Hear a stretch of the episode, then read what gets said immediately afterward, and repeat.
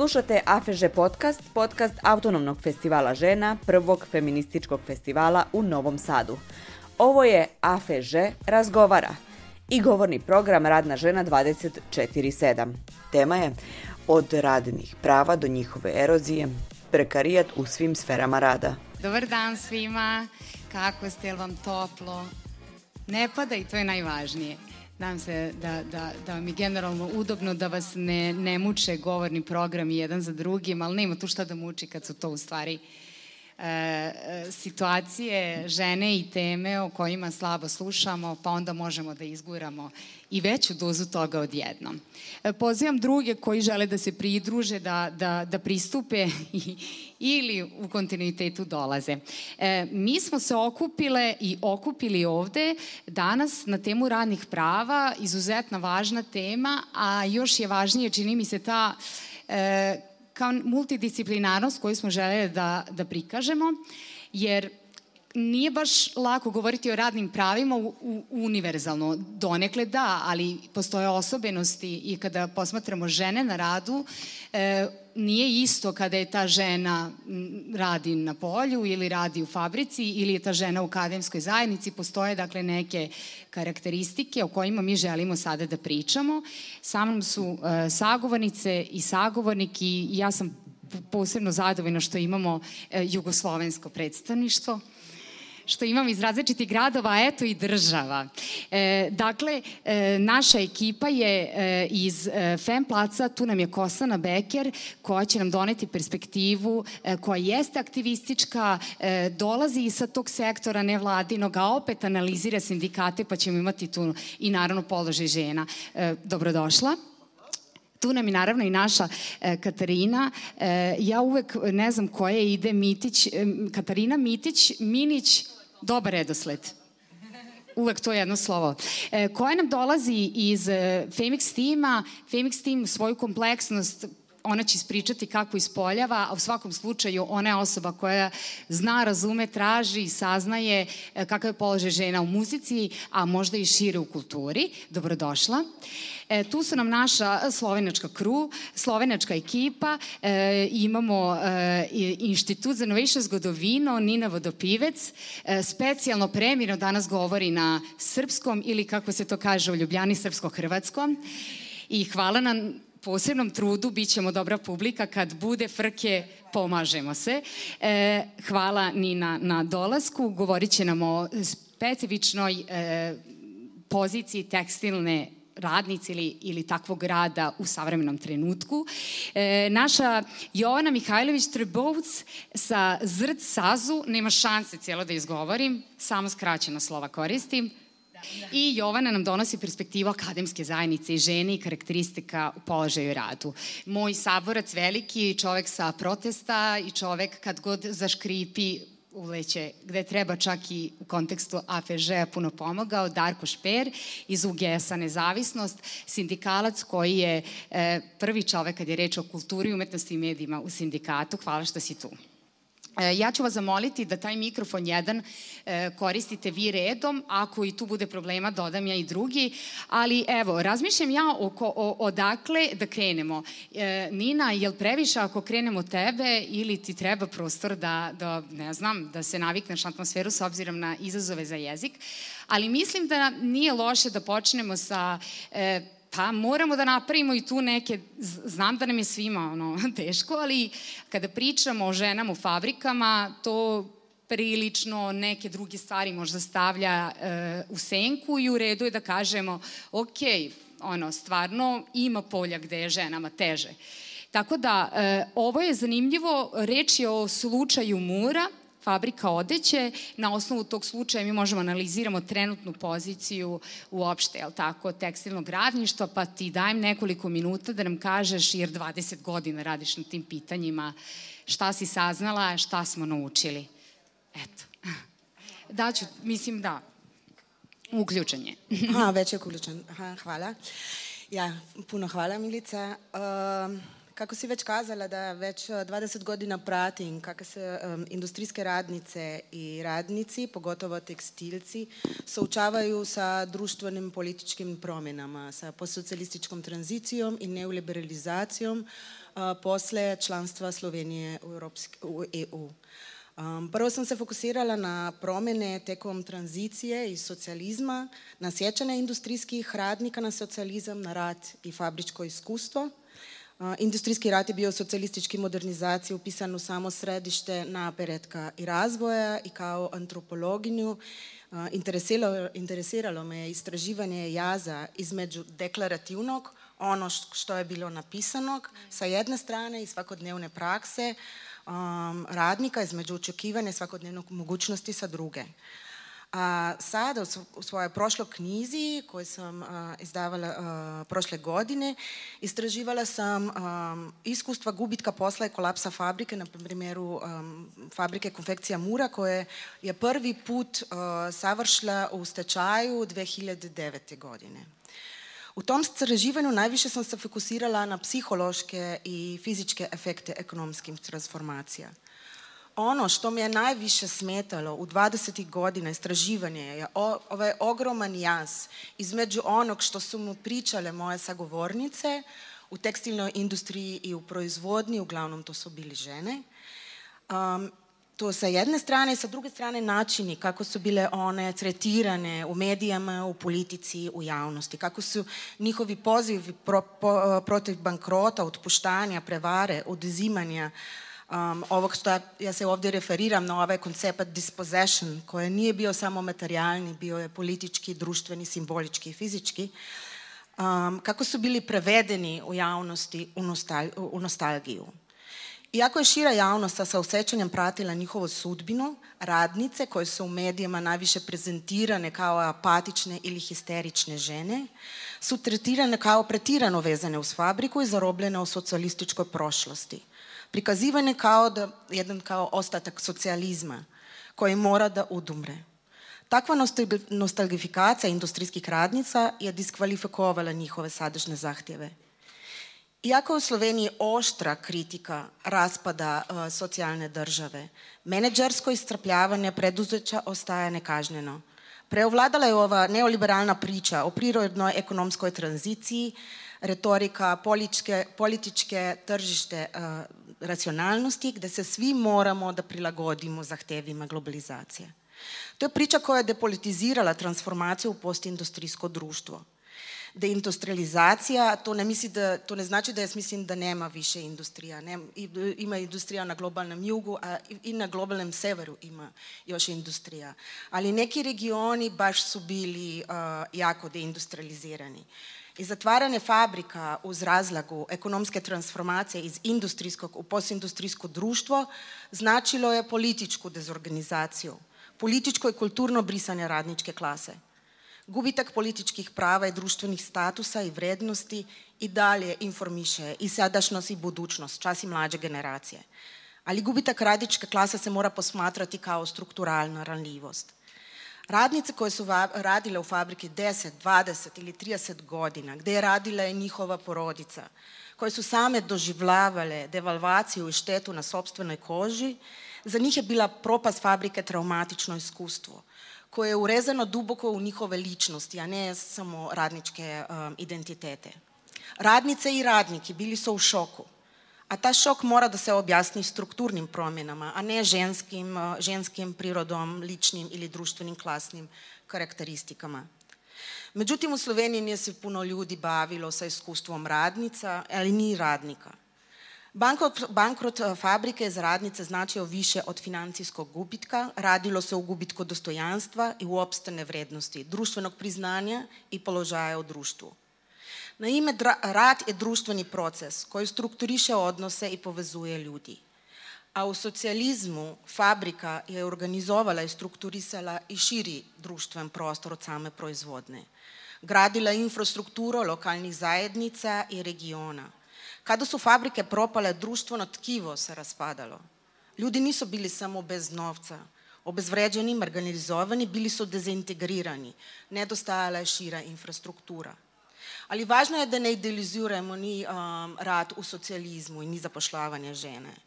Uprkos političke i ideološki podrsi, industrijske radnice nisu bile bogate, porodice so podizale standard sa radom na crnom, sa radom na farmi ili u inostranstvu. Plate v tekstilnoj industriji bile so čak i niže um, kak, um, kako u neki drugi uh, branži. Jer u socijalizmu tekstilna industrija važila je za laku i žensku industriju. I takve reprezentacije su stvarale njene vrednosti. Međutim, radnice su bile zaštićene. Opostojali su radnički savjete i druge komisije koje su u praksi štitile žene radnice. Bili su dodaci za prekovremeni rad i isplate dobiti. I to je bilo važno. Na taj način, kako su moje sagovornice mi kazale, se je um, podelilo šta smo žene zaradile. I to je uspostavljalo specifične veze i pripadnosti. Bilo je važno da je bio rad žene prepoznat u fabrici i u lokalnoj zajednici.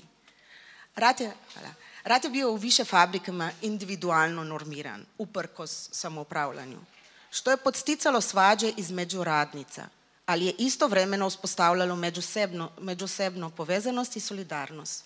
Ritam je bio veoma brz, što je vremenom i godina izazivalo mnoge povrede i bolesti, što pokazuju medicinska istraživanja rada u 80. godina.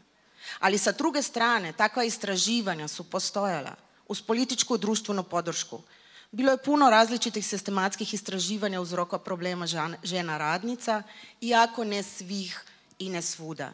I zbog dvostrukog i trostrukog tereta tražilo se rešenje. I u socijalističkim fabricima bila je stroga hierarhija i disciplina. Posao je bio podeljen, uglavnom su za mašinama bile žene, muškarci su radili na održavanju ili kao majstori ili direktori. I kroz istraživanja i iskustva rada mogu reći da žene nisu samo pritiskale dugmat na mašinama, već su sa svojim znanom, veštinom i iskustvom upravljale mašinama, kako se kazale, što su cenili drugi akteri u fabrici.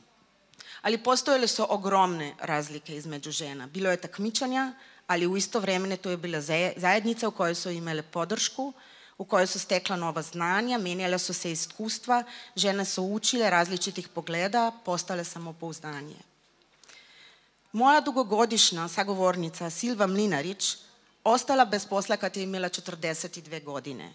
Bila je prestara za tržište rada da bi našla nov posao, ali nju je organič, ograničila i profesionalna bolest, poznata kao, i kao bolest čivanja, koja je bila posljedica rada i reorganizacije i strpavanja intenzivnog rada prošlih 20 godina.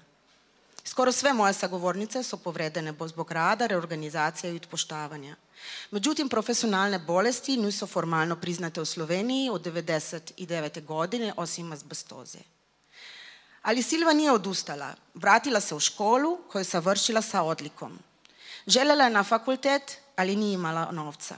I posle bankrota fabrike ostala je aktivna u sindikatu u borbi za priznanje profesionalnih bolesti. Razvela se i preudala. Mnoge moje sagovornice bile su samohrane majke, puno problema je bio, bilo sa alkoholizmom muža, muževi su često bili odusotni. Žene su same tako izdržavale porodice. Silva je snažna i veoma artikulisana žena, ali istovremeno bilo je teško prihvatiti da je postala samo domaćica, kako je kazala.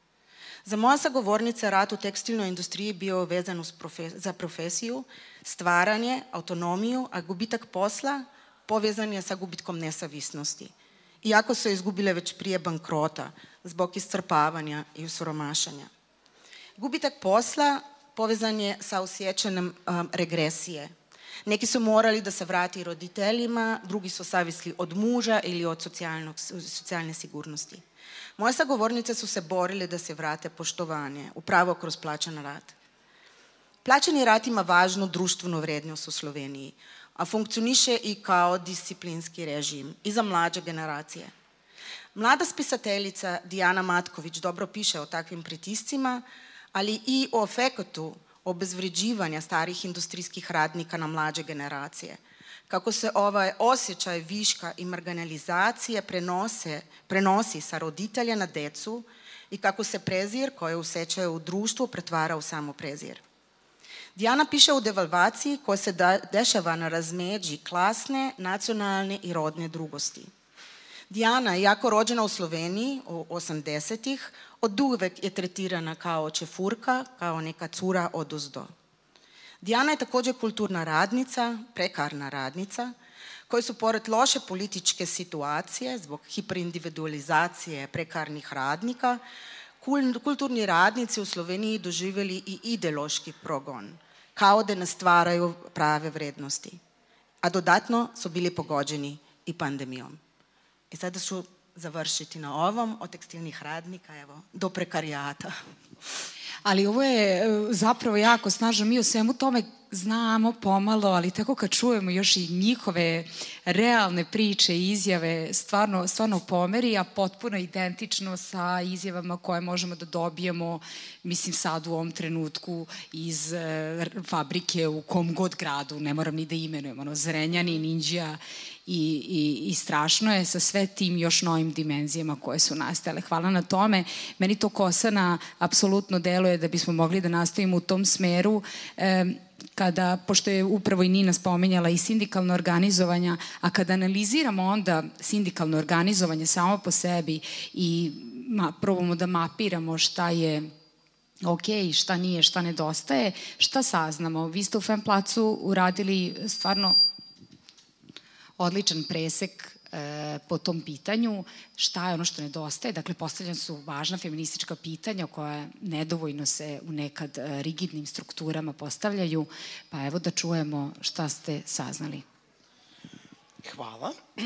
Ja, šta, šta smo saznali? Da, ovo, ovo sad treba stvarno da se nekako stane ono kao u ovih prvih par minuta. A, saznali smo Pa mogu da vam kažem, u stvari evo ovako, saznali smo manje nego što smo mislile da ćemo saznati, ali treba da imate u vidu da smo mi istraživanje radile a, u periodu nekom od kraja leta do decembra 2020. kada je COVID bio u onom naj, kao, ovaj, naj, nekako na, u najvećoj ekspanziji, tako da tu i dobri delovi našeg istraživanja se u stvari odnose i na COVID i šta se tokom COVID-a desilo, što je isto jedno ozbiljno važno pitanje, je li po pitanju ovaj, prava radnica posebno. Mislim svih, ali radnica posebno.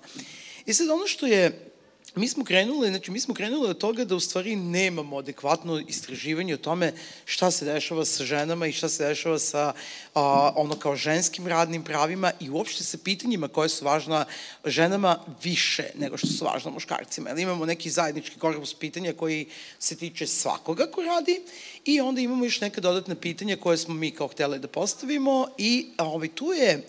A, da probamo ovako da se, ja imam ovde za svaki slučaj ako nekoga bude neka brojka zanimala, kao to sad da ne pamtim, ali ono što je recimo nama bilo interesantno je da, uh, na primjer, da žene, uh, a imali smo relativno, da kažem relativno solidno, imali smo oko 250 žena u ovom kvantitativnom uzorku i imali smo posle još fokus grupe, imali smo dubinske intervjue sa sindikalnim rukovoditeljkama da vidimo kako to izgleda iz njihove perspektive.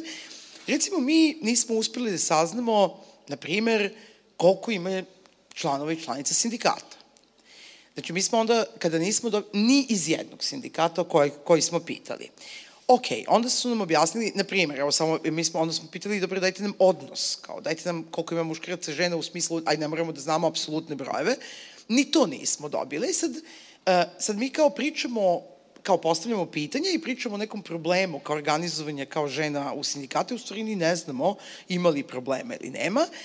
Žene kad pitamo, u zavisnosti od toga odakle dolaze, iz kog sindikata, pa onda i u okviru, čak i u okviru sindikata iz koje grane, neki kažu dovoljno nas je, neki kažu baš nas je malo.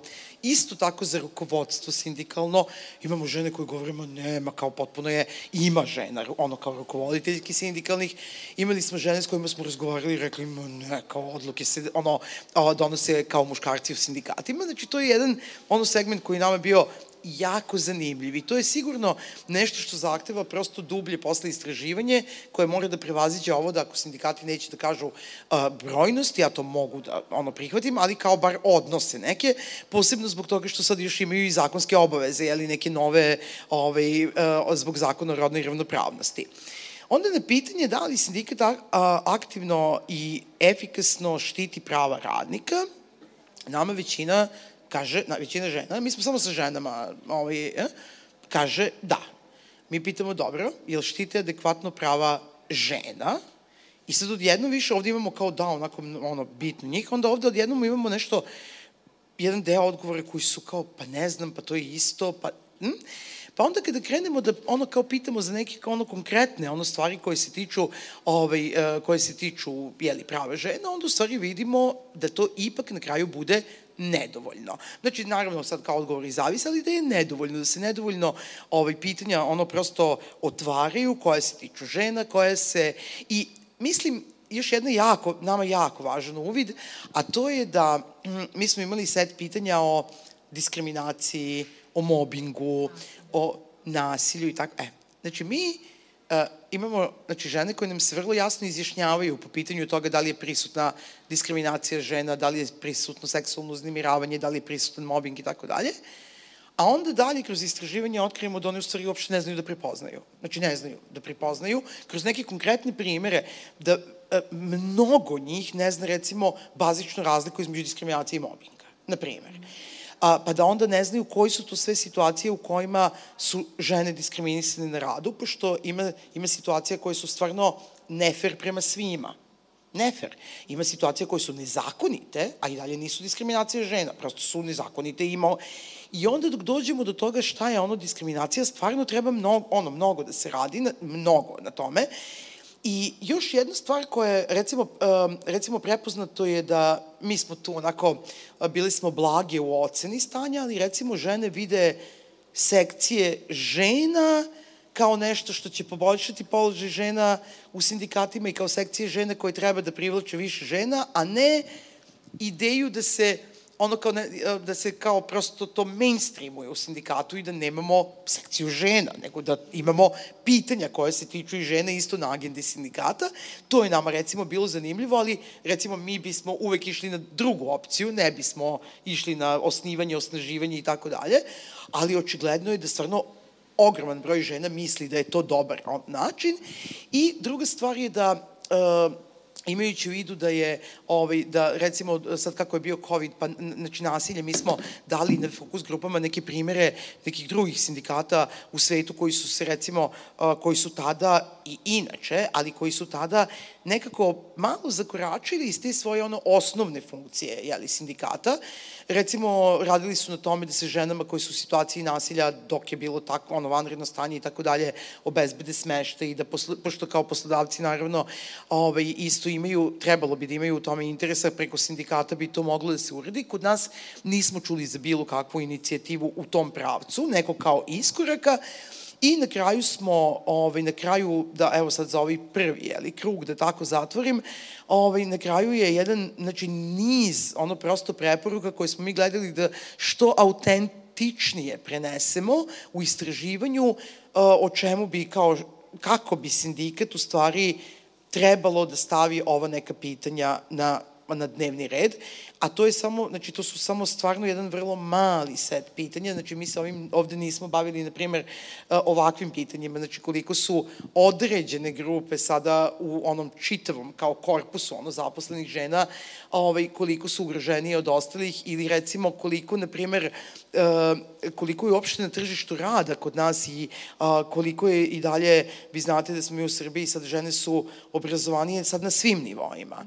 Znači više nema razlike, ranije je bila ta razlika kao do fakulteta pa post, kao ovaj, toga više nema, a koliko su manje zaposlene, koliko su manje aktivne koji teret u stvari tog balansa privatnog i poslovnog života mogu da podnesu.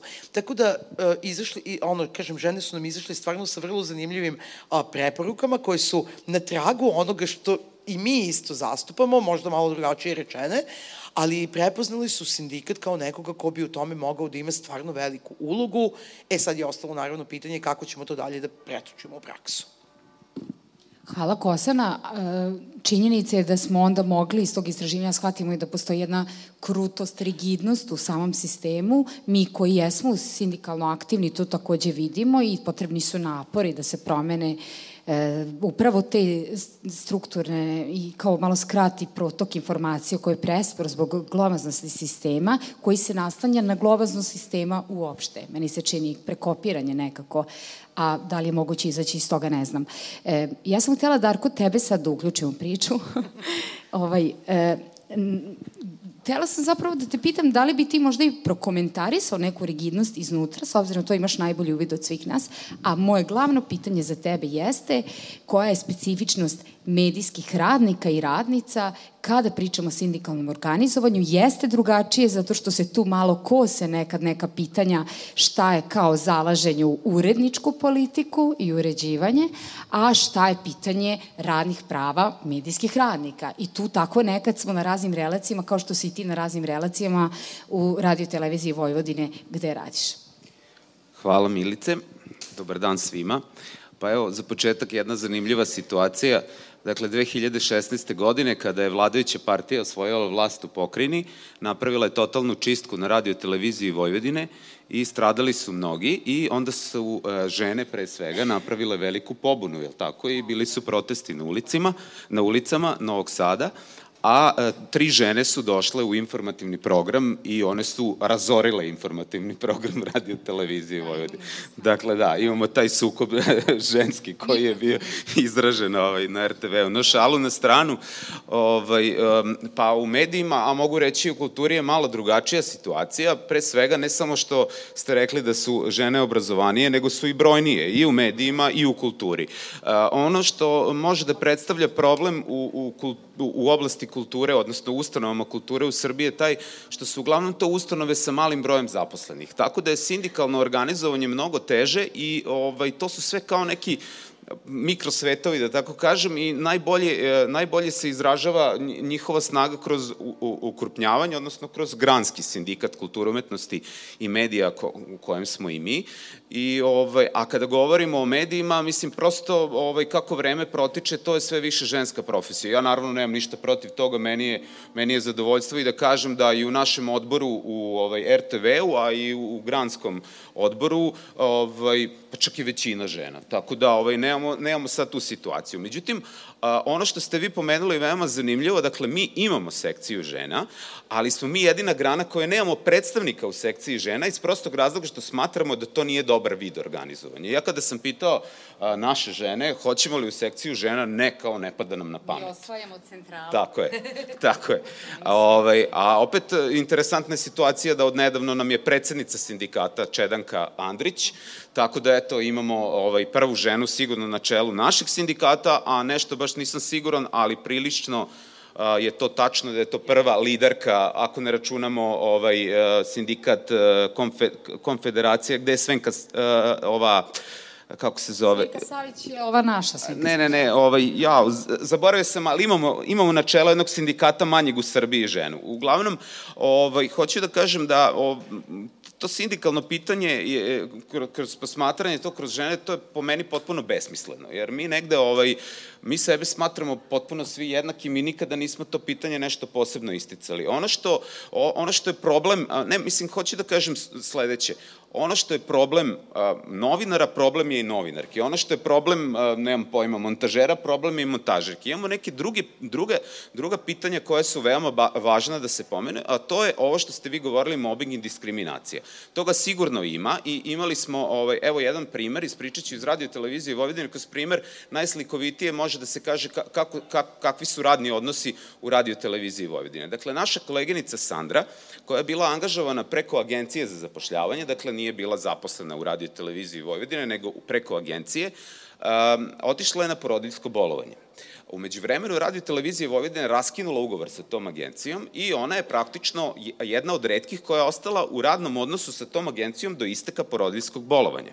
Kada je to bolovanje isteklo, mogla je da ostane da radi u toj agenciji, ali šta da radi? Pošto ta agencija radi poslove spremanja zgrada, neke građevinske poslove i da, da, da ne zamaram dalje, dakle sebe nije videla u budućnosti u toj agenciji i došla je, obratila se poslodavcu, svom starom poslodavcu, sa pitanjem da li ovde ima mesta za mene pod bilo kakvim ugovorom da nađem neki posao. I ono što je se desilo jeste da je ostala tako na ničijoj zemlji. Dakle, agencija nije više žela da je angažuje, radio televizija Vojvodine više nije želela da je angažuje, sindikat je pokušao, iako ona nije u radnom odnosu i nije članica sindikata, da animira, da kažem, poslodavca, da joj nađe posao, niko nije želeo sa njom da zasnoje radni odnos, niti bilo kakav drugi vid angažovanja. Na kraju smo mi zamolili neke naše prijatelji koji rade, rade na jednom manjem mediju unutar radio televizije Vojvodine, koji su rekli, hajde, angažovat ćemo je kod nas. Iako ovaj, je to po prirodi omladinski program i rade uglavnom ljudi mlađi od 35 godina, um, ovaj, da je angažuje. Međutim, njoj je već sve bilo do te mere preselo da je rekla hvala vam što ste se potrudili, ali ja više ne želim u životu da kročim na ovu televiziju, jer ovaj, sam se osetila ne samo uvređeno, obezvređeno i na svaki drugi način. Ona je bila urednica, ona je u kulturi radila ozbiljne programske sadržaje. Dakle, bukvalno su je onako, a u isto to vreme imate situaciju da kada pregovaramo sa poslodavcem, na mrtav vladan kaže da su neki ljudi zaposleni u radio televiziji Vojvodine na intervenciju gradonačelnika Novog Sada. Dakle, vi imate jednu šizofrenu situaciju, ali ako govorimo, eto, kroz ovaj primer, ovaj, vidjet ćete koliko se, ovaj, koliko se ne poštuje to osnovno žensko pravo da bude majka i da kada, ono, kada rodi, da se vrati, da, da, da, nastavi, da nastavi tamo gde je stala, da kažemo. Ono, ovaj. Tako da to, ta situacija je napravila jedan manji potres u medijima i onda negde je njima bilo kao krivo što se sad u lošem kontekstu pominje radio televizije Vojvodine. Pa prosto zato što ste to uradili i tu nema, nema, nema, nema šta dalje da se razgovara. I bilo je takvih primera uh, zaista mnogo, i, ali ovo je nekako upečatljiv primer i primer koji eto, je priliči ovoj, ovoj temi o kojoj sada razgovaramo. Dakle, ono što, ono što sigurno takođe ste u pravu, to moram da kažem, da vam sigurno ni moj sindikat nije rekao koliko ima članova, ali ja uvek kažem, pošto smo mi negde na, najmanje grana, naj, naj, najmanje članova imamo upravo iz tog razloga što su male te ustanove kulture, mi imamo oko 1600-1700 članova. Ako me pitate koliko je žena, pa sigurno pola, ako ne i više. Zaista nisam sad gledao onako, ovaj, recimo u radio televiziji Vojvodine, potpuno sam siguran da u našem sindikatu ima više žena nego muškaraca i ja, ja uvek kažem da je to jedna dodatna vrednost, zato što smatram da su žene hrabrije. Mi kad god smo imali neku uh, izuzetno kompleksnu situaciju gde je trebalo odreagovati ono što se kaže na prvu, prvu loptu, žene su bile hrabrije, odlučnije i uvek su bile spremne da idu, što se kaže, u prve, u prve redove i da, da, da brane ono što je naše. Kod muškaraca je to malo, eto, tako, ne znam zašto je to u poslednje vreme, valjda su isfrustrirani mnogo. U svakom slučaju, ovaj, mi, eto, ako sam opravdao zbog čega mi ne želimo da idemo u sekciju žena, da, mi se bavimo tim pitanjima, mi se trudimo da, da ih maksimalno, ovaj, da, da, da budu ovaj, u prvom planu, ali prosto ne želimo da ta pitanja ovaj, kroz e, ta, takve sekcije a, e, generišemo, zato što, eto, znam da na tim skupovima se uglavnom tako, eto, kao žene se druže. Ovaj, mislim da nisu ništa konkretno uradile do sada, ili ja bar nisam čuo, ne znam da li ste vi čuli, da je sekcija žena sindikata nezavisnost nešto kapitalno uradila, što je kao temu izbacila u javnost, što sada, eto, kao o, o, čemu, o čemu su mediji ovaj, pisali bar nekoliko dana. Nisu sigurno.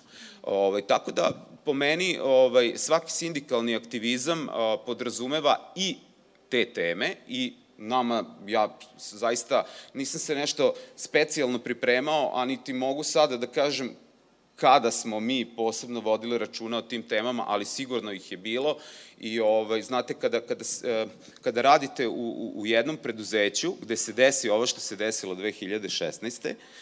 i gde se ljudi za svoje prava brave, brane, brane ih na ulici, I kada iz svega toga se izrodi jedna sindikalna organizacija koju smo mi praktično napravili, i koja je sada jedna od vodećih u firmi, onda je to uspeh svih nas i ja ne bih ga delio ni na uspeh e, ženskog dela kolektivna, ni muškog dela kolektiva, prosto izborili smo se za neka veća prava svih i ovaj, svakodnevno pokušavamo da ih unapredimo. Jako je teško iz prostog razloga što imamo elementarno nepoznavanje svih tih e, stvari e, koje se tiču ra sveta rada u Srbiji od strane poslodavca. Dakle, mi, evo, primer možda nije interesantan, ali kada, smo, kada nam je isticao kolektivni ugovor, nije nas poslodavac pozvao na pregovore, nego smo ga mi podsjetili da bismo trebali da sednemo za sto i da ovaj, na, potpišemo novi kolektivni ugovor. I to smo uradili na svu sreću a iako nemamo generalnog direktora, već više od godine dana uspeli smo da ih ubedimo bar to da uradimo. Tako da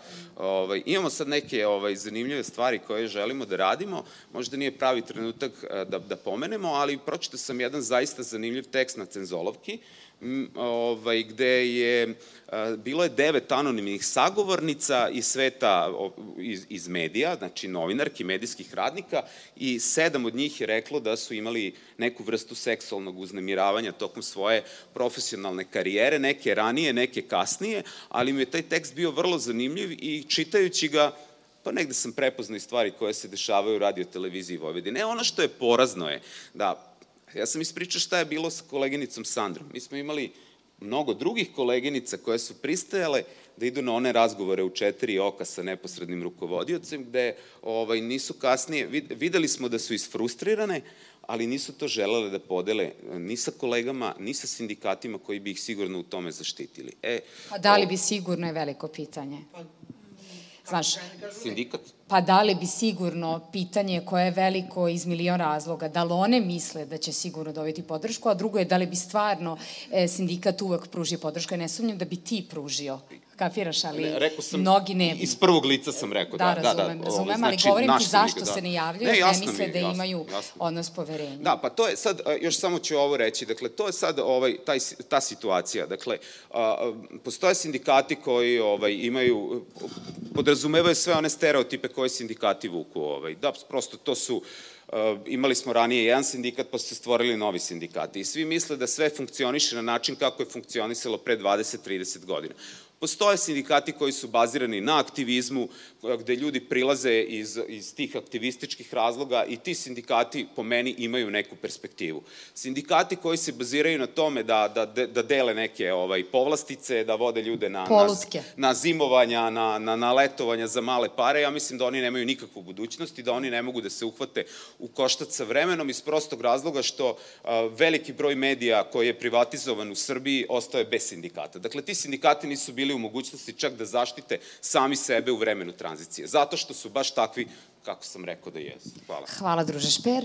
E, ja ću dodati samo u vezi sa, sa zalaganjem koje je feminističko, dolazi sa tvoje strane, jeste newsletter Kuma, koji je potpuno feministički i svi sadržaj zapravo dolazi iz te perspektive i većinu piše žena. E, e ja bih da, spominjam si naravno i širi pojam medije i kulture, tako da bih volela zapravo tebe, Katarina, da pitam za vaše iskustvo, istraživanje takođe koje ste radili, naravno to su uzorci koji su, mislim, mislim, ograničeni, ali nema veze, da čujemo to.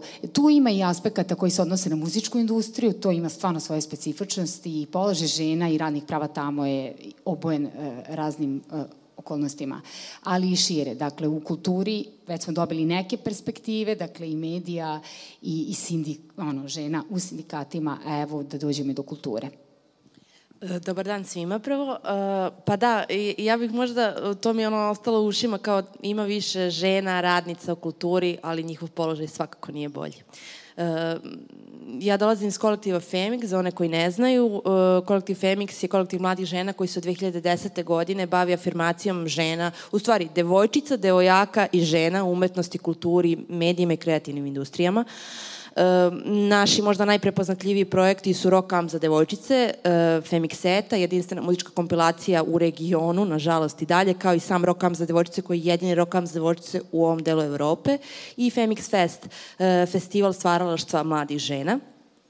E, kroz ovih 12 godina uradili smo preko 60 izložbi, projekcija, događaja kroz koje se zapravo trudimo da pružimo podršku jer stvarno nije floskula, ali podrška je užasno važna i ono to e, nekako potvrđujemo svaki dan. Uh, E, naš rad je zasnovan zapravo na višegodišnjem, ja volim da kažem, radu na terenu e, i e, zapravo isto na istraživanjima. Mislim, mi smo interesantan jedan kolektiv, sve devojke dolaze iz nekih različitih disciplina, ali opet nas je povezao taj aktivizam i zapravo nekako želja da pokušamo da promenimo stvari, iako promene idu jako sporo i ja volim da kažem da će možda naše unuke živeti bolje, ali dobro.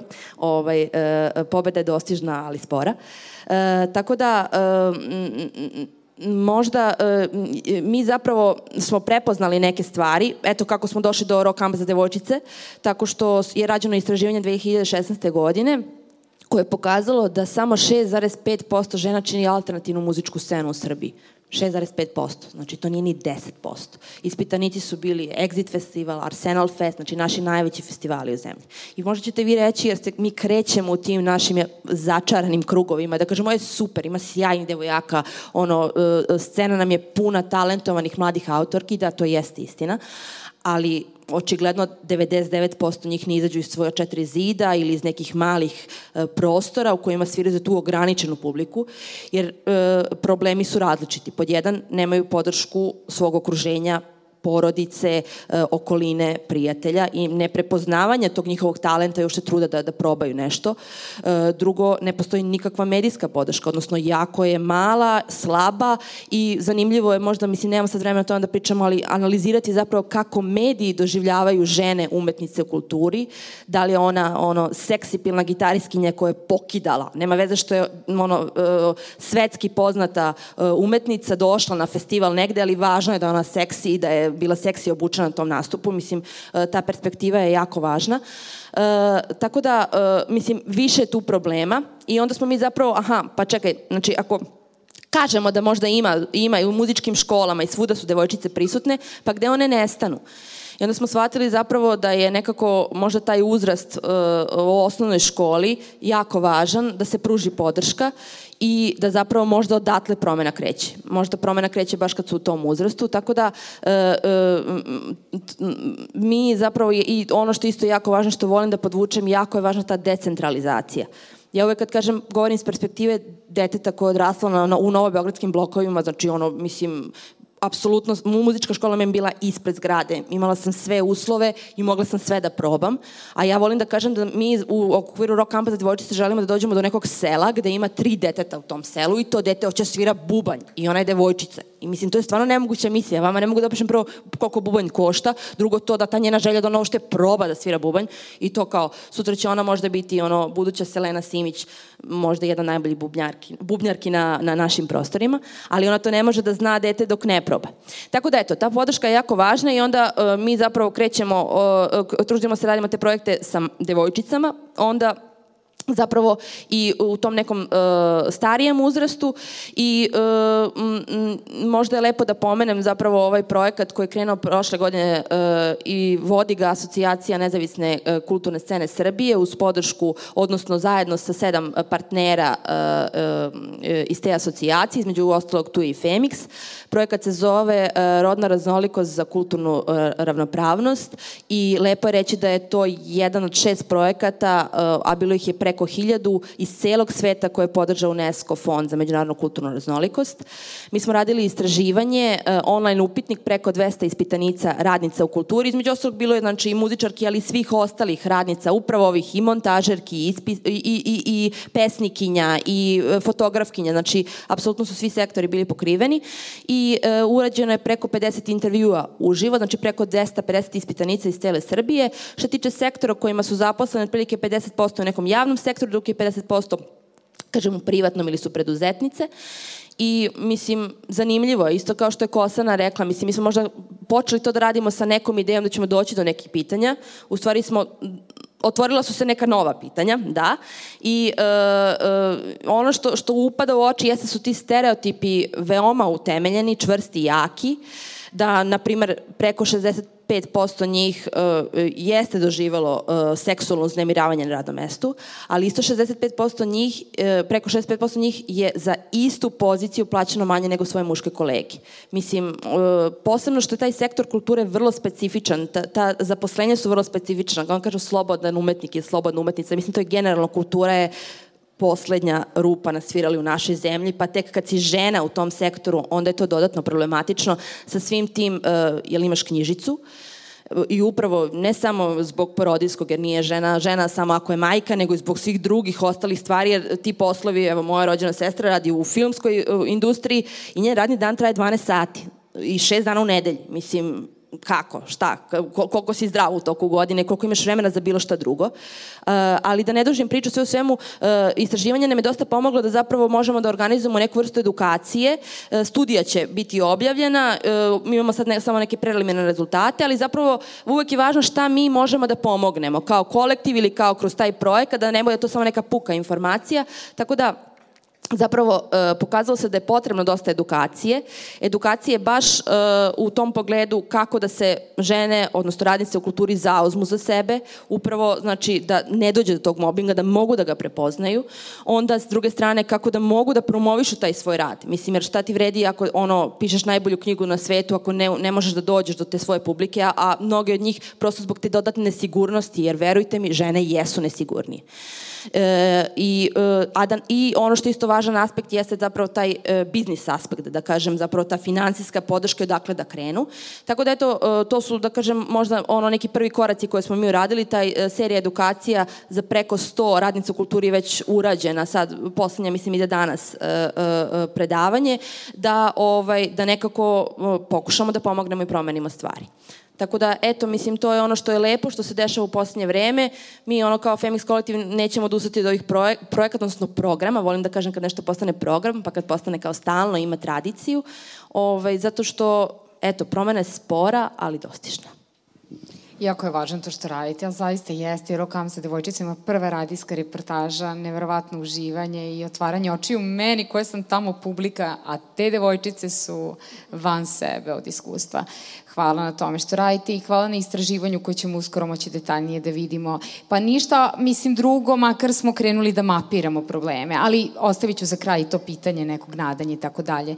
E, Jovana, e, došli smo do momenta akademske zajednice, naučnice i istraživanja i ti si poslednja u tom redu, a upravo je to ono što nekako i prati tu celu priču kada pričamo o radnim pravima, kao pa mi smo akademkinje, mi imamo svi svest o tome kako vi mislim, ono, ako je profesor, kako istraživačica, pa to su i neki novci i tako dalje. I čak meni se čini utisak vas da kao, pa gde ja da pričam pored ono žene u fabrici, jel? Kao, ali zašto da ne? Mislim, postoji niz problema, niz e, specifičnosti nedovoljno postavljenih i treba da ih čujemo. Mislim, jel da ono postoji ta predrasuda i kao taj teret, kao e, i negde usporavanje vaše borbe, da kažete glasno, mislim, nama nije okej okay to, jer kao vi ste ono, elita. Da, pa sad, uh, let's unpack that. Uh, u smislu, uh, naučne uh, naučne profesije jesu privilegovane do određene mere. Ali šta to zapravo znači? E, mislim da percepcija ljudi uh, je um, uokvirena nekim tradicionalnim zamišljanjima šta je to nekada značilo biti profesor uh, ili akademik, uh, što je sigurno u uh, većem delu ne u većem delu, što je u određenim istorijskim periodima zaista i bila privilegovana profesija. Ali zapravo ako pogledamo dalje u istoriju, pogledamo um, zapravo da je uvek uh, nauka ukoliko nije imala direktne veze sa proizvodnjom novca, odnosno vrednosti, uh, zavisila od sistema finansiranja i onda u zavisnosti od toga kakav je bio sistem finansiranja je ta pozicija mogla biti više ili manje privilegovana. Ja bi danas reč privilegovanost razumela drugačije. E, naučni poslovi jesu privilegovani do one mere u, jer imate mogućnost da izaberete da ih ne radite. Znači, obrano, obrazovani ste i možete da izaberete da radite nešto drugo ukoliko niste zadovoljni platom, radnim uslovima, količinom stresa, mogućnošću napretka ili, ne znam, usklađivanja posla i privatnog života. Međutim, ni to nije više tako. Zapravo, um, ceo dijapazon društvenih i humanističkih nauka je takav da vi nakon uh, dobijanja doktorata zapravo ste nezapošljivi izvan akademskih profesija. I u tom smislu ti ljudi koji se nalaze u tim pozicijama zaista i nemaju mogućnost izbora osim da se bave naukom. I u tom trenutku njihova pozicija postaje zapravo ista kao pozicija neke tekstilne radnice u smislu da je zavisna od sistema koji je zapošljava, na koji ona ne može direktno da utiče. opet, privilegija intelektualnih poslova je takva da obično sa znanjem jezika i sa nekom širom obrazovanjem i, i obično socijalnim statusom koji ide uz to, ali ne nužno, možete, na primer, prekarno da prevodite, transkribujete, radite kao novinar ili ovaj, čuvate decu bogatim porodicama na zapadu. Um, to su sve karijerne opcije. Šta hoću da kažem? Da zapravo, e, mislim da se doskora nije govorilo o nauci kao o polju rada. Bavljenje naukom je rad. I to je ono što bih žela danas da uh, otvorim. Rad koji ima svoje specifike, ali koji zapravo uh, do, doskora nije bio percipiran tako i uglavnom zbog toga što je bio, uh, kao kažem, i privilegovan i muški uh, prostor. Međutim, od kad su žene počele da ulaze u polje nauke, a to je u principu zadnjih 100 godina i manje od toga, jer do tada do početka 20. veka na većini univerziteta je ženama i bilo zabranjeno školovanje. ovaj, žene su naravno polako u, i gradualno ulazile u prostor bavljenja naukom kao profesijom. Znači, Prve žene koje su se bavile naukom su to radile iz hobija. Ada Lovelace, prva žena kompjuter, je bila prosto grofica i žena je volala da se bavi matematikom u svoje slobodno vreme. Nije to isto kao kada vi zavisite od svog naučnog rada. Tako da, do sada su e, i istraživanje istoriografska i tako dalje pokazala zapravo ceo dijapazon problema s kojima e, se ko, koji karakterišu ulazak žena u naučnu profesiju. U, nauč, u, u nauka kao uh, stvar gde je autoritet uh, i uh, mogućnost, znači, nauka je profesija koja se doživljava kao da u kojoj je autoritet jako važan. Ženama se autoritet pripisivao uvek manje, u njihovu stručnju se više sumnjalo, za njih su bili korišćeni istorijski uh, dupli standardi, žene se, se prvo nisu sploh smatrale sposobnima za određene vrste nauka, pa se to menjalo kroz vreme. Sada uopšte ne ulazim u detalje, nego samo taksativno navodim dijapazon istorijski dokazanih stereotipa. Možda neki koji su manje poznati žensko autorstvo se dovodilo u pitanje kada um, ili se zanemarivalo kada se radi o naučnim uh, ili o intelektualnim parovima, o tome smo juče razgovarali. I ceo koncept izuzetnosti od onoga što na slovenačkom kažemo odličnost, znači excellence, uopšte ne znam šta bi bila srpska reč za to, izuzetnost, odnosno profesionalni status je bio zapravo naprav napravljen po muškom uzoru, po a, muškom uzoru, zašto muškom? Po uzoru nekoga ko se bavi samo naukom, a ima ceo a, aparat a, podrške i finansijske i skrbstvene koji mu omogućava da ima decu, da ima oprano, da jede i tako dalje. A, I smatralo se, dakle, to kako smo, kako doživljavamo a, a, o, kako kažem, kako doživljavamo autoritet je takođe i telesno upisano u muški e, u muška tela više nego u ženska. E, dubog glas se smatra glasom mudrosti i, i e, često se ženski način govora smatrao histeričnim, banalnim i tako dalje. Znači, ne moram sad mnogo da pričam, dobro poznajete tematiku. Kada govorimo, naravno, onda smo imali istorijski, uh, uh, kao kažem, uh, ja bih volila da više govorimo o prostoru Jugoslavije, koji je drugačiji i specifičan, odnosno o, o socijalističkim zemljama, koje radikalno uključuju žene u sve sfere rada, uključujući i u nauku što je statistički pokazano da su tokom svog vremena trajanja Jugoslavije procenat, na primer, profesorke fizike u odnosu na celu populaciju u Jugoslaviji bio viši nego u Americi, nego u skandinavskim zemljama. I to važi za puno socijalističkih država, odnosno postsocijalističkih država danas. Kada govorimo danas o uh, položaju žena u nauci. S jedne strane uh, uh, se govori o tim ostacima tih stereotipa koje sam navela, koji su naravno danas zavijeni u mnogo subtilnije forme, ali su bar osvešćeni i u principu neka načela političke korektnosti zabranjuju danas da bi uh, na taj način diskreditovali žene. Ali to se naravno dešava upravo ako to gledamo kao polje rada, a ne polje stvaranja znanja, odnosno, da, a ne kao polje stvaranja znanja ili autorstva.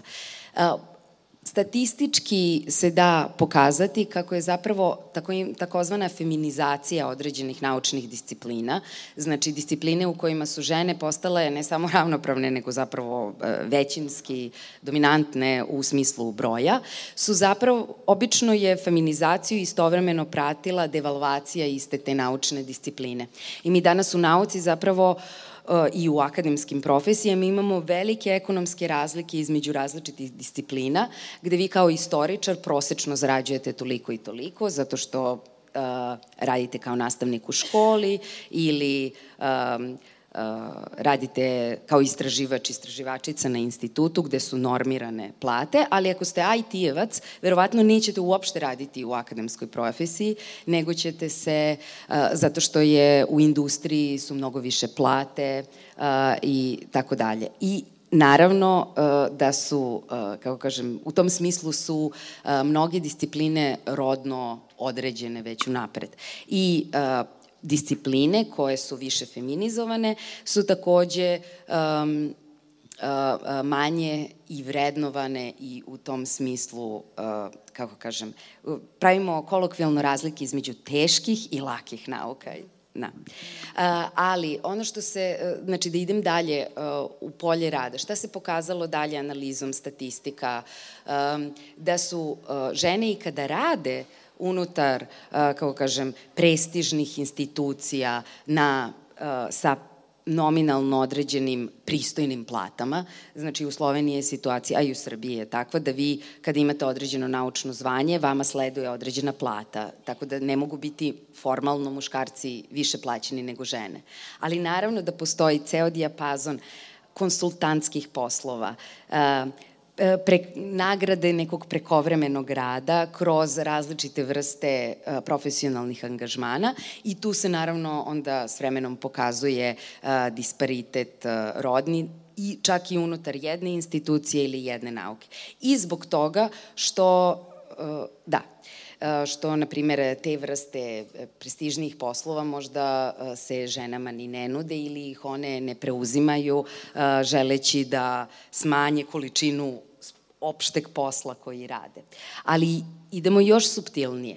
Zapravo, um, nisu, ako gledamo nauku kao posao, znači čitanje, pisanje, istraživanje, eksperimentisanje i tako dalje, um, ja sam sada navela tipične um, aktivnosti, ali zapravo danas je nauka visoko birokratizovana, za, u, zavisi od uh, finansijskih uh, sredstava koja, koja nisu stabilna, znači ne dobijate novac od države za istraživanje, nego morate da fundraizujete.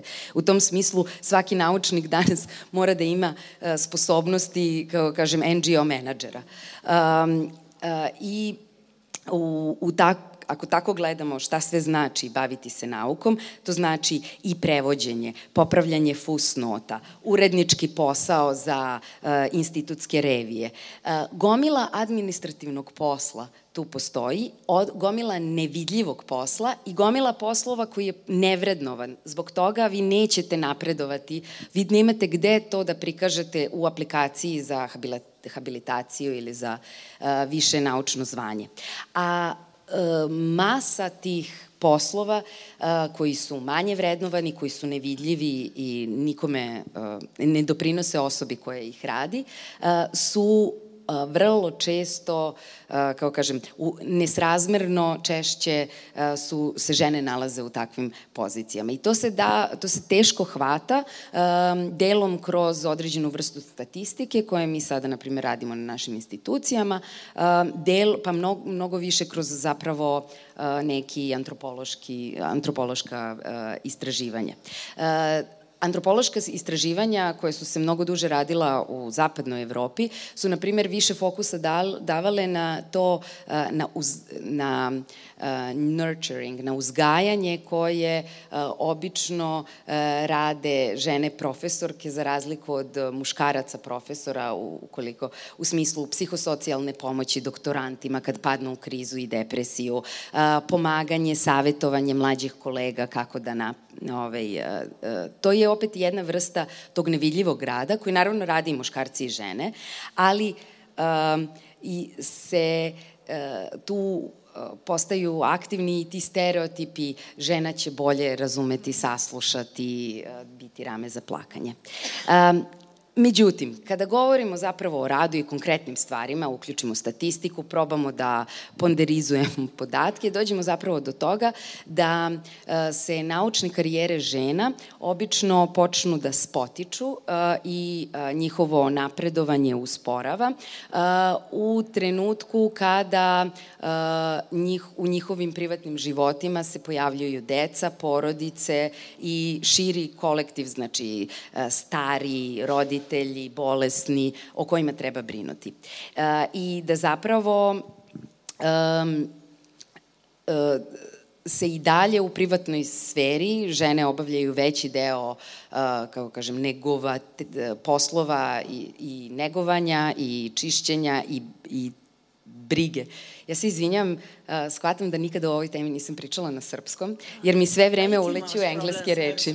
Da engleski i slovenačke reči, zato što sam radila na međunarodnim projektima i od time se bavim unutar slovenačke naučne zajednice. Um, e, tako da um, danas e, zapravo najveći um, većina mera za pomaganje poboljšanju položaja žena u nauci se zapravo najefikasnije se pokaže na, na dva polja. Jedan je kako učiniti naučan posao um, humanijim, kako smanjiti prekarnost, određene naučne discipline se izuzetno brzno prekarizuju, znači ljudi se ne zapošljavaju za stalno, nego preko projekata, preko autorskih ugovora i tako dalje znači u sferi tog usaglašavanja privatnog i profesionalnog života i generalnog poštovanja minimuma radnih prava koji smo, na primjer, u Sloveniji kao i u Srbiji imali na daleko višem nivou nekada a, u poređenju sa danas. I druga sfera je to da zapravo kako da uključimo rodno osetljiv pogled na one aspekte naučnog rada koji su najviše povezani sa statusom, napredovanjem i platom. Na primer, uh, praktičan primer koji će Nina poznavati, uh, doskora, odnosno i dalje, formalno je jedan od zahteva za napredovanje u viši naučni naziv, nužni boravak u inostranstvu neprekinuto u tri meseca na stranoj naučnoj instituciji. Uh, što je i, i taj zahtev treba da se ispuni u periodu od pet godina, kada je obično period posle doktorskog profesionalnog angažmana žena, znači u njihovim 30. godinama. I kada, kada se većina žena bavi i dan danas porodicom. Hoću kažem, većina žena i dalje većina žena rodi dete što ne znači da se i žene koje nemaju decu ne bave, nemaju opterećenja u privatnom životu. I da kako onda, na primjer, u kriterijume za napredovanje, za nagrađivanje, uključimo tu svest da je iskustvo ljudi koje imaju obaveze u privatnom životu drugačije i kako ih uskladiti. I namerno tu sada izlazim iz govora o ženama, jer iskreno moram priznati, ja već imam onako zasićenje debelo od toga da sad kao govorimo samo to kao kada će, koliko imamo žena u akademiji nauka i umetnosti, kada će žena dobiti sledeću Nobelovu nagradu iz fizike i tako dalje. Mene mnogo više zanima ovaj, to da govorimo kada će to da li neko ima dete, bilo muškarac ili ne bio muškarac, e, ili bio muškarac ili žena, kada će to prestati tako fundamentalno da utiče na njihove uh, mogućnosti karijernog uh, napredovanja, ostvarenja i uopšte zadržavanja poslova. Jer kao što je Kosana rekla, žene su danas statistički više obrazovane na svim nivoima, u svim našim državama, a uh, na nivou Evropske unije procenat um, redovnih profesorki uh, u ukupnoj populaciji je 22%. Znači, automatski onda kada muškarci budu preuzeli deo oko dece i kao čarobnim štapićem će nestati problem sa napredovanjem i sa decom kada se muškarci u to budu uključili. I to je to. To je, mislim, kao ne ono, kao, sad, kao definitivan odgovor, ali znači svako ovo pitanje koje ste potpuno u pravu, izvinjavam se što sam ovo odgovorila, ne, nisam mogla da, ovaj, da izdržim prosto da, znači svako pitanje o koje ja bih isto volila da ne pravim da žensko pitanje, nego da je pitanje, na primjer, napredovanja. Kod nas je isto tako neko potpuno pogrešno, cijela državna uprava tumačila zakone za napredovanje, isto u zvanje, do duše, uh, problem je bio i na akademiji, ali i uopšte regularno u državnoj upravi, kaže treba dve godine da imate odličnu ocenu. I onda je neko, ok, znači ok, da bi se kao kandidovali za to. I onda je neko to protumačio kao da to moraju da budu dve uzastopne godine. Znači, to ne piše nigde, nigde nije pisalo. Onda je, su svi državni organi, vi odete na ovaj, na uh, prodijsko i recimo to negu deteta, vi se vratite, godinu dana vas ne ocene, zašto u zakonu ne ocene vas, onda oni kažu, aha, sad se ovo ne računa prethodna godina, ako ste bili ocenjeni, nego onda vam dve nove godine, znači vi celu izgubite i eventualno prethodnu ocenu čekate dve.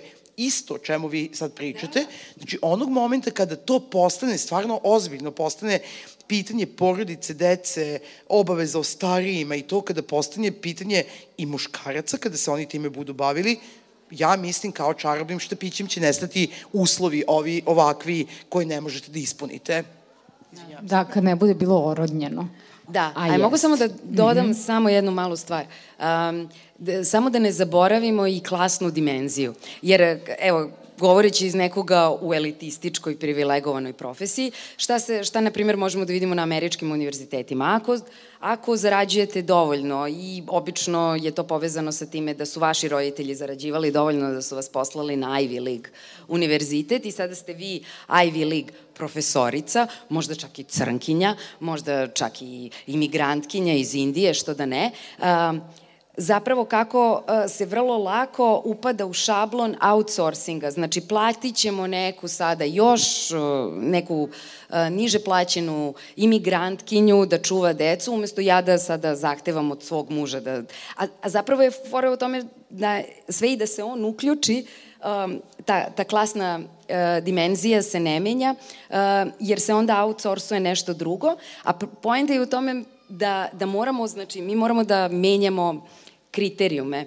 Ne samo kriterijume za napredovanje, nego i kriterijume uspeha, profesionalizma, odličnosti. Znači to umirem za posao, e, radim e, celu noć, e, su zapravo konstrukti, kako kažem, s jedne strane kapitalističke eksploatacije, samo eksploatacije, ali to je takođe zapravo i način o, o, o, višeg vrednovanja ga, ono, radim za posao, nego uh, u šest, ja neću imati sastanak u šest popodne, jer ja sam u šest popodne negde drugde, u parku sa svojom decom, ili uh, ne samo zato što moram, nego zato što i hoću.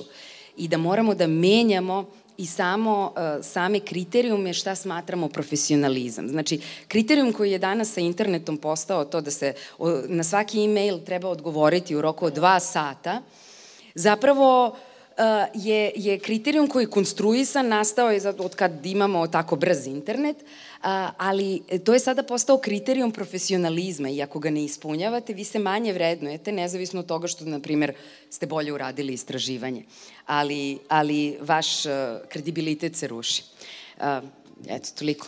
Hvala. Ja svakako sam htela postavim svima pitanje, ali razmišljam kako možda neko od vas ipak želi da postavi pitanje kont ovoga što su sad čuli, da ja sad ne otvaram pitanje rešenja ili nadanja ili tako dalje. Ja svakako ne bih jako dužila jer mislim da govorni programi, mislim, pogotovo mi kad nanižemo tri stvari, ne mogu da, pa ne, ne mogu koncentraciono da se, da se isprate. Izvini, žalto, ali ja šetam. Maja, izvoli. E, da. Pa hvala vam puno, bilo jako puno zanimljivih stvari, zapravo nisam sigurna da, da li će biti pitanje, da mogu komentari neki, ok. Uh, puno toga sam verovatno zaboravila. Ajde, krenut ću od ovoga, m, to mi se mnogo svedelo, kao svima nam je dosta tih liberalno-feminističkih rešenja pukih kvota, koje zapravo ništa suštinski ne mijenjaju, a možda bismo mogli malo da počnemo i da insistiramo na tome da ne govorimo ne samo da stavljamo akcenat žene, žene, muškarci, nego ajmo odmah i rodno varijantni, ajmo i druge rodove i tako dalje, da prosto ne zapadamo tu binarnu matricu. A, što se tiče ovog problema a, socijalno-reproduktivnog rada koji najčešće pada na pleća žena, ja mislim da bi tu isto bilo bolje da insistiramo na podruštvljenju tog rada, a ne e, ovo muškarci i žene, zato što iako bi to moglo da olakša u, u privatno nekim našim odnosima nešto, ali bi opet većina poslodavaca imala fino besplatnu radnu snagu koja, koja se samo reprodukuje i umesto da se plati kroz državne i druge ove puteve, da se plate vrtići koji će biti besplatni, da se, ne znam, napravi što više kuhinja javnih koji, koji će biti imati pristupačnu hranu i tako dalje. Mislim da je bolje ići dakle u tom pravcu podruštljavanja ili je bolje ne samo onda za višu klasu nego i za veći broj ljudi. I možda bih, da ne, da ne dužim, stvarno je bilo puno sjajnih stvari koje ste govorili i baš bih svašta komentirala, ali ovo što ste vi rekli za ženske sekcije, to mi se bilo jako zanimljivo i isto, mislim, imali smo puno iskustava koliko zapravo ženske sekcije u sindikatima često nema nikakve veze sa onim što bismo mi želeli kao feministički ili nešto da politiziramo, nego malte ne odu u neki konzervativizam, samo zato što je neko prepoznat kao žena, pa kao tu nešto, ali zapravo ne, ne idu u tom pravcu. Možda je baš bolja ova strategija da u jedinstveno, svejedno muškarci, žene itd., da se jedinstveno borimo, što ne znači da nećemo uh, specifikovati probleme koje se tiču kao što vijeste i nasilja koje ima orodnjenu dimenziju i tako dalje. Mislim da je to prava stvar i baš ono širiti sindikate u tom pravcu. Dakle, uh, ujedinjenje na svim nivoima i čak i ovo šire. Razmišljam i o tome, možda evo to neko pitanje, svi ste u nekim sindikalnim ovaj, aktivizmu, ako sam dobro razumela, kako ujediniti tu sindikalnu borbu? Ja još uvek duboko vjerujem u nju, sva ograničenja i mane, mislim da, ono, da nam ona puno može pružiti, a čini mi se da često i ovo kad sindikati usko idu u svoju, kako se to kaže, profesionalno određenje, što naravno sigurno ima svaka profesija svoje specifičnosti, ali kako povezati sve sindikate? Da li je to moguće? Mislim, da li možemo napraviti neko tijelo ili ne znam kakvu strukturu koja bi povezala sve te sindikalne borbe ili ih više nekako povezala i još više ujedinila ne samo zaposlene, nego i nezaposlene kojih ima pregršt, prekarno zaposlene i to na ugovor i tako dalje. Kako da to nekako bolje povežemo pa da budemo jači, da kažem. Eto, to možda pitanje. Hvala Maja, to jeste dobro pitanje koje ja imam na umu kao kraj, to je to, je to, to je poenta. Jel želiš ti, Darko, prokomentarišeš ili neko drugi? Nisu ovde svi sindikalno, e, odli, odlično, izvinjam se, ovaj, nisu, nisu svi možda sindikalno, zapravo ne znam statuse sindikalnog aktivizma, ali, ali sjajno pitanje Nina, onda ti si iskazala želju. Ako vi želite da možete i vi kao sindikalni. Ok, da oboje date komentar zapravo Nina, ako želiš, da. Pa da, duboko mislim da je to nepotrebno. Isto tako imamo i sekciju mladih. I sada mi imamo tu sekciju mladih u sindikatu i ovaj, u problemu smo, jer evo konkretno u kulturi, ako pričamo o kulturi, uh, svi koji završavaju danas akademiju ili za, za bilo koju ono vrstu ovaj, umetnosti ili kulture, ne mogu da se zaposle, angažuju ih preko agencija zato što postoje ona famozna zabrana zapošljavanja. Konkretno, evo, kada govorimo o baletskim umetnicima, uh, oni bi sa 45 trebali da idu u penziju, ali koriste neke ovaj, mogućnosti da, da produže svoj radni vek i praktično zauzimaju mesto ovim mladima koji se uh, koji završavaju baletske škole i oni budu angažovani, ali ne mogu da dobiju za stalno. Tako da mi imamo sad problem kao sindikati, nemamo dovoljno mladih, a hoćemo da imamo sekciju mladih. Kako da imamo? Nikako.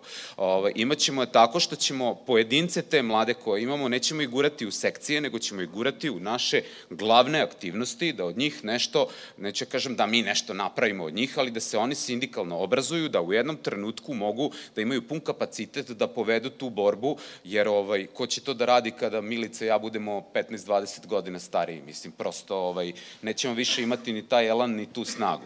Uh, što se tiče uh, ovog, da, uh, kako sindikati, ovaj, da se, sindikati mogu da se ujedine samo ako imaju zajednički imenilac. Dakle, evo sada konkretno mi imamo situaciju, to sam pomenuo, da nemamo generalnog direktora. I napokon sva tri sindikata imaju zajedničku akciju, bukvalno teramo upravni odbor da nam imenuju vršioca dužnosti direktora, jer za mesec dana ovaj zamenik ide u penziju i mi više nemamo čoveka koji će da nam vodi firmu. I super je stvar, jer kada na, po bilo kom osnovu sednete zajedno za isti sto i stavite na stranu sve vaše sujete, različitosti i tako dalje, uvek će, uvek će se roditi još jedna stvar koju shvatite u hodu da možete zajednički da radite.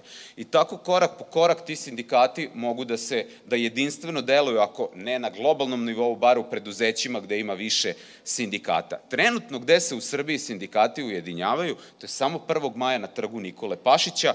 Ja ne vidim nikakav smisao te akcije, zato što je Beograd pust, nema nigde nikog, a mi na tom praznom trgu, obično ovaj, gde, nema, ne, gde nema hlada, mi se usijavamo tamo i ne znamo šta radimo. Idemo u šetnju ili ne idemo u šetnju I hiljadu puta sam predložio ljudima, ajmo na Adu Ciganliju, ajmo na Frušku goru, ajmo da delimo flajere, ajmo mi da zauzmemo mesto kamperima i da ro, mi pečemo roštilj, delimo ljudima, delimo i flajere i kažemo, he, ajde, ako mi ne može, ako vi nećete ovako, ajmo mi ovako da probamo sindikalno da se angažujemo. Mislim, prosto mora biti, mora biti nekih ono kreativnih ideja u tom sindikalizmu. Nije sve ono, sednemo za sto, sazovemo novinare, ispričamo svoju priču, doviđenja, prijatno. Ili tako, kada je neki važan važan datum, izađemo na ulicu, kažemo šta imamo, doviđenja prijatno. Dakle, prosto mora da postoji konstantna akcija gde se okupljamo o neke konkretne ideje. I samo da završim, Dakle, e, pominjao sam ove radnike angažovane preko agencije, kada je preduzeće naše raskinulo ugovor sa agencijom, gde je bilo angažovano 250 ljudi, oko njih 200 je trebalo da ostane bez posla. I um, s obzirom na to da su oni sindikalno nevidljivi, jer jesu radnici tvoje firme, ali nisu zaposleni u tvojoj firmi, pružili smo im ruku i rekli smo ljudi, mi hoćemo vama da pomognemo. I organizovali smo jedan protest ispred RTV-a i tu gde želim da se pohvalim, pošto smo mi grana kulture, umetnosti i mediji, nama su došle kolege iz industrije, iz prosvete i bilo nas je ono iz pet različitih sindikata, jer smo svi prepoznali problem koji danas je kod nas, sutra može da bude kod tebe, preko sutra kod nekog drugog. Tako da, prosto mora se gledati ta šira slika, jer ako usko gledamo samo kulturu, umetnosti i medije, Ovaj, pa mi smo članice Ujedinjenog granskog sindikata nezavisnosti, imamo svoje predstavnike i u glavnom odboru, i u izvršnom odboru, što znači da odlučujemo negde o svemu. Pa prosto zato ako odlučujemo o svemu, onda o svim pitanjima, može, svim pitanjima možemo i da se bavimo. Ali ne na taj stereotipan način, jer time nećemo ništa postići. Mislim, šta? Mi gledamo 1. maja kako mi tamo, ono, ne znam šta radimo na trgu Nikole Pašića, onda gledamo prilo, pri, ovaj, priloge iz Švajcarske i ne znam odakle, gde ljudi razlupaju pola grada. Mislim, meni je bilo fascinantno kad sam bio jednom prilikom u Cirihu, uh, baš ne, neposredno posle 1. maja i neki McDonald's i kaže mi kolega, e, ovaj su rasturili McDonald's skroz ovaj, tokom protesta, ali gradska vlast izašla i rekla, nešto im mladi nisu toliko aktivni, manje su razlupali Cirih nego što inače ga razlupaju kada je 1. maj. A ovo što ste pomenuli za, ovaj, e, za tu podelu, kada sam bio u Švedskoj, ja nisam znao njihovo zakonsko rešenje, ali sam primetio, radio sam neke priloge o parkovima. I išao sam i snimao sam tamo sa ljudima šta se dešava po parkovima i malo, malo pa vidim muškarca sa bebom. I ne jednog, nego njih 50. I pitam šta je ovo? Pa kaže, kod nas je posle sedam meseci žena ide na posao, a muškarac narednih 5-6 meseci se brine o detetu i on je onda, da kažemo, na porodiljskom. Znači, to je fantastično. Evo, ja, ja, ja da, da to kod nas ima, ja, kod ja bi bio zakonski presredan. zapravo možeš može, da... Može, A to niko ne razli. Može, ovaj, ja sam imao kolegu na radio Zrenjaninu koji je podelio sa svojom suprugom uh, porodiljsko, Pisali su mediji o tom fenomenu, ali se uglavnom zajednica sprdala na njegov račun zašto je on to uradio. Ali ja tu osobu poznajem i duboko sam ga podržao u tome što je, što je radio. Zato što je potpuno normalno. Bojim se i da će biti kiša, tako da, e, da imamo na umu da može da nas potera. E, Nina, ti si htela da dodaš? Da, po- spomenuli smo mnoge teme. A samo da ovo komentiram a, i kod, kod nas, to je tako, da, ja sam u pet godina imala, rodila sam dva puta, a nakon pet godina oni su evalvirali moj rad kroz pet godina. A uvijek, uvijek moram ja da ih opon, op, opominjam, opominjam da ja sam rodila dece. A uvijek imam ovo kritiku, još jedan put ti sa ovim. a, Ti i to, to, deca. da, I to je evalvacija za, oni misli da ti kad se vratiš i da će bude kao je bilo prije, a nije tak, tako sa malim djetom. Da. A ja mislim da što je veoma važno je ova šira podrška i ova šira solidarnost. U Sloveniji sindikalni pokret u 90-ih baš je bio veoma jak, veoma važan, a onda in- in- industrija nakon 2000-2005 ide industrirala se Slovenija i više, a nakon 2005 kad je Slovenija ušla u EU, sindikati su izgubili ovo političku i mobilizacijsku moć. U 9009, kad je Mura propala, počeli su ovi spontani štrajkovi, jer ljudi u fabrikama nisu imali više poverenja u sindikat. Oni su verovali da su si sindikat i menedžeri a, kao ovako. A kod nas je, je, je ovaj problem, jer sindikat ne krije ovih drugih statusa. Ima tako puno ovih statusa, kako ste kazali, da, ima mlađe, ima stare, ima žene, ima muškarce, a ima i ljudi koji su zaposleni za neodređeno vreme, uzgovore, a- ali agencijski e, radnici, a sve, ne, nešto je ilegalno, sve bi moralo da se tretira jednako, a to nije u praksi i to je velik problem, ovaj jaz između u teoriji i pravu i šta ide u praksi. A, I to da kod nas počeli su, puno ljudi se počeli organizirati, organizovati i osnovati nova društava koji proučavaju ovo je tržište rada se promenilo i sada kako ste, kako ste vi kazali, trebaju nam nove inovacijske tehnike, kako mobilizirati ljudi i kako pružiti ovo veću političku moć. E, ja mislim da što nam treba i šira podrška i solidarnost između proizvača i proizvača usluge i potrošača. Ja mislim, mi uvijek, um, to je bio jedan Goran Lukić iz Radničkog savjetovališta koji je veoma važnu ulogu uh, pravi, bavi se u, u Sloveniji sa migrantskim radni, uh, radnicima, radnicima. Um, ovaj primjer je nav- naveo. Kad uh, je Ryanair štrajka, kad je bio Ryanair u štrajku, niko se nije pitalo kako žive steward- stewardese i kako radi pod kakvim lošim uslovima. Samo da ja ne mogu da ljetim negde i krše se mi prava potrošača. A u 2009. bila sam na ovom štrajku za Muru u Ljubljani i svi smo nosili ove majice za Muru. A kad sam došla kući, vidjela sam da je ova majica bila napravljena u Bangladešu. A ti onda se, ti, ti se tu fajtaš za muru, za, za žene u fabricima u Sloveniji, a ne znaš ako je ta naša majica sada napravljena bio u nekom sweatshopu. Ono a mi moramo dete, u global, da, u ovi globalni, um, kako se kaže, povezanosti um, i solidarnosti, to mislim. Tačno, hvala Nina. Da li neko želi da prokomentariše dodatno Majino pitanje u vezi sa to nekim zajedničkim delom? Mi jesmo mapirali na kraju pitanja koje su, mislim, ista, koliko god bile različite ove, pogotovo ako pričamo o ženskoj perspektivi, to jesu pitanja, mislim i evo u Španiji imamo to e, menstrualno bolovanje, jel, kao odlazak. Mislim, to je uje, ujedinjeno za, za, mislim, ceo svet, tu polovinu koja je ženska. A, a eto, kad će doći na red, nemam pojma. E, da li želite da prokomentarišete ili da pitam da li još neko nešto želi da doda, pita, prokomentariše, se se bojim da ne primetim. Možda Da, samo, samo minutu za Da, ovo, da, Nina. šta, je- kako je neki problem ili društvena grupa prepoznata u, sk- u širom društvu. Ja sam to željela da naglasim, da industrijski radnici izgubili su ovu širu podršku. Mi svi mislimo, a, pa oni su ostatak od socijalizma, pa one će sada odumre i sada mi idemo u postindustrijsko društvo i svi su nostalgični, i, a to nije to je, šta se dešava je ovaj, društveni konflikat uh, i to nije prepoznato. I ja mislim da veoma važno je raditi na onom prepozna, prepoznavanju, se kaže, i šta ste vi spomenuli. spomenuli. Kada sam ja radila u Muri, radila sam sa ovim um, professional diseases, kao, a sama sam radila u takvih loših uslove tada.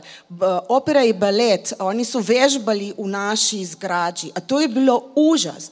A ja sam pisala kako gadno je da oni svi su tako povredeni, bolesni, a nisam reflektirala i sama u kakvim uslovima ja radim.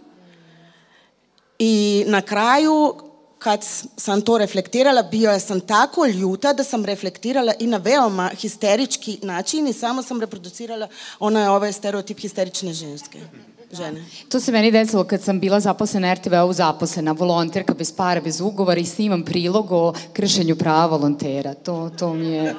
No, a ne smem da se potpišem na svoj prilog jer sam nepostojeća kako je ovde lud. E, Kaća, Kosana, Nina, Jovana, Darko, mnogo vam hvala, vrlo inspirativno i, i, i za mene lično e, tako prostor za učenje i nove informacije. Hvala vam svima na odvojenom vremenu. Pozvaću vas da uprko s lošem vremenu koje možda najđe, može i lako da ode. Hvala vam svima što ste uz APŽ. Autonomni festival žena AFŽ je lokalno utvrđivanje snaga protiv nasilja prema ženama i decom i nasilja uopšte. AFŽ je prvi feministički festival u Novom Sadu. Podcast AFŽ-a prati festival i donosi vam priče sa njega. Slušali ste AFŽ razgovara u kom vam donosimo razgovore sa tribina koje su organizovane na festivalu.